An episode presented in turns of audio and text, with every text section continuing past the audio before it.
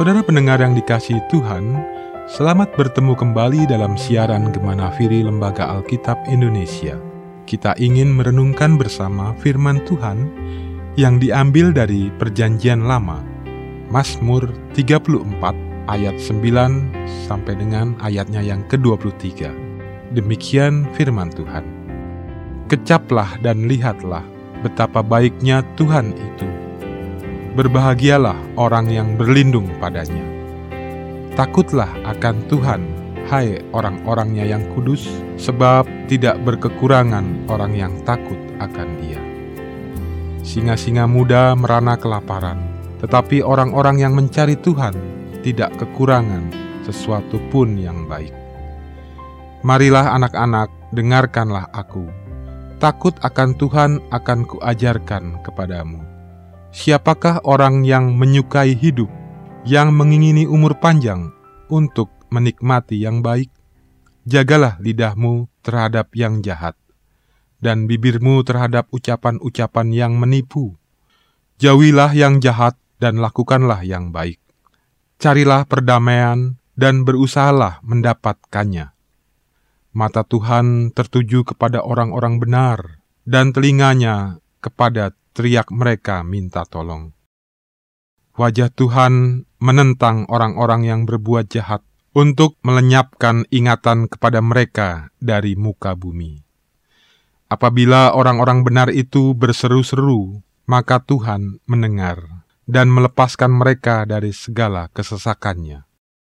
Tuhan itu dekat kepada orang-orang yang patah hati, dan Ia menyelamatkan orang-orang yang remuk jiwanya. Kemalangan orang benar banyak, tetapi Tuhan melepaskan dia dari semuanya itu. Ia melindungi segala tulangnya, tidak satu pun yang patah. Kemalangan akan mematikan orang fasik, dan siapa yang membenci orang benar akan menanggung hukuman. Tuhan membebaskan jiwa hamba-hambanya, dan semua orang yang berlindung padanya tidak akan menanggung hukuman. Saudara pendengar yang dikasihi Tuhan Yesus, sebagai anak-anak Allah, tentunya kita mengenal Allah. Namun, sejauh mana kita mengenalnya? Itu yang harus kita tanyakan pada diri kita sendiri. Dalam bacaan kita tadi, pemazmur pada ayat yang ke-9 menuliskan, Kecaplah dan lihatlah betapa baiknya Tuhan itu. Berbahagialah orang yang berlindung padanya. Orang yang mengecap berarti merasakan sesuatu dengan mulut. Hal itu berkaitan dengan penilaian terhadap suatu rasa. Satu makanan mungkin tampak lezat dan sangat direkomendasikan banyak orang. Tetapi kita tidak tahu kualitas sebenarnya sebelum kita mencoba dan merasakan makanan itu. Demikian juga bila kita ingin mengenal kualitas seorang pribadi yang sebenarnya, yakni dengan merasakan pengalaman persahabatan dengannya. Mereka sudah saling menyamakan diri, terlibat secara emosional, dan mengetahui semua seluk-beluk satu dengan yang lainnya. Hal itu merupakan aspek yang penting dalam hubungan persahabatan. Hal yang sama juga dapat diterapkan terhadap pengenalan orang Kristen akan Allah. Mengenal Allah berarti kita menuruti perintahnya. Seseorang yang mengatakan mengenal Allah, tetapi tidak menuruti perintahnya, adalah seorang pendusta, dan di dalam dirinya tidak ada kebenaran. Hal ini tertulis dalam 1 Yohanes pasal 2 ayat 4. Barang siapa berkata, Aku mengenal dia, tetapi ia tidak menuruti perintahnya, ia adalah seorang pendusta dan di dalamnya tidak ada kebenaran. Mengenal Allah berarti kita melibatkan Allah di dalam pikiran, kehendak, dan perasaan. Kita harus bersedia jujur, ingin mengenalnya lebih dekat, dan bersedia menjadikannya teman. Tanpa kesediaan itu, hubungan kita dengan Allah akan bersifat dangkal dan hambar. Namun, lain halnya dengan Allah. Ia mengenal kita secara dalam, bahkan ia tidak putus-putusnya mendekatkan dirinya kepada manusia. Allah kita adalah Allah yang tidak terbatas. Pemeliharaannya kepada manusia tidak pernah putus sesaat pun. Allah tidak pernah lelah mengasihi kita, tidak pernah mengantuk atau bosan kepada kita. Sangat jauh berbeda dengan sifat manusia. Saudaraku, kalau kita bayangkan betapa tidak seimbangnya hubungan kita dengan Allah. Kita terus-menerus menikmati kasih Allah Bapa, sedangkan kita terkadang melupakannya.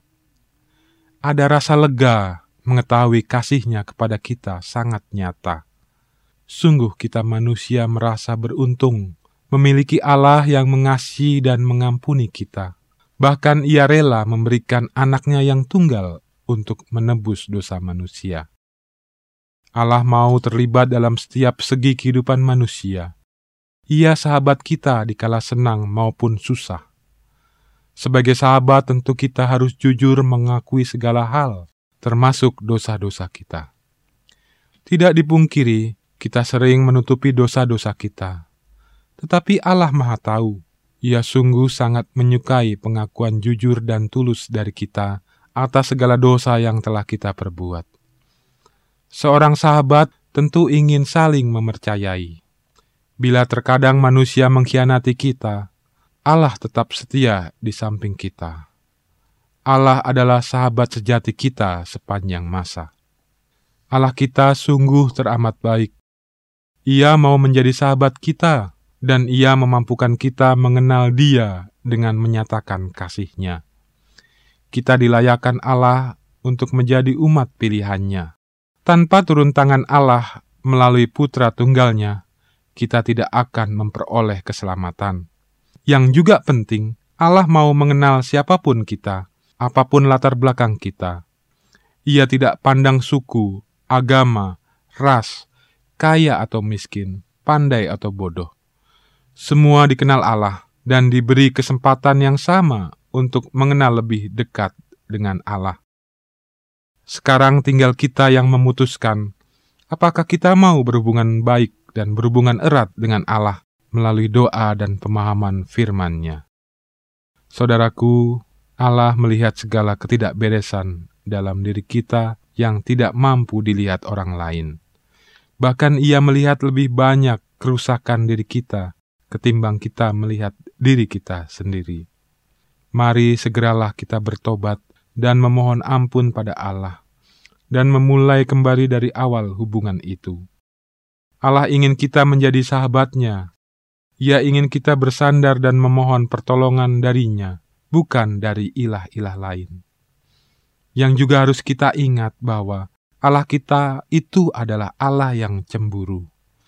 Maka utamakanlah Allah dalam hidup kita niscaya Ia akan menolong kita dengan cara yang indah, meski kadang cara itu tidak kita sadari. Mari kita bangun lagi hubungan emosional yang akrab dengan Allah. Kita merasa sedih bila ada orang yang menghujat atau tidak percaya adanya Allah. Kita merasa sedih bila ada orang yang tidak mentaati ajaran Tuhan. Jadi, tidak dapat dipungkiri membangun hubungan emosional sangat perlu di dalam pengenalan akan Allah. Saudara pendengar yang dikasihi Tuhan Yesus, suatu hubungan tanpa komunikasi yang akrab tentu akan sulit dipertahankan.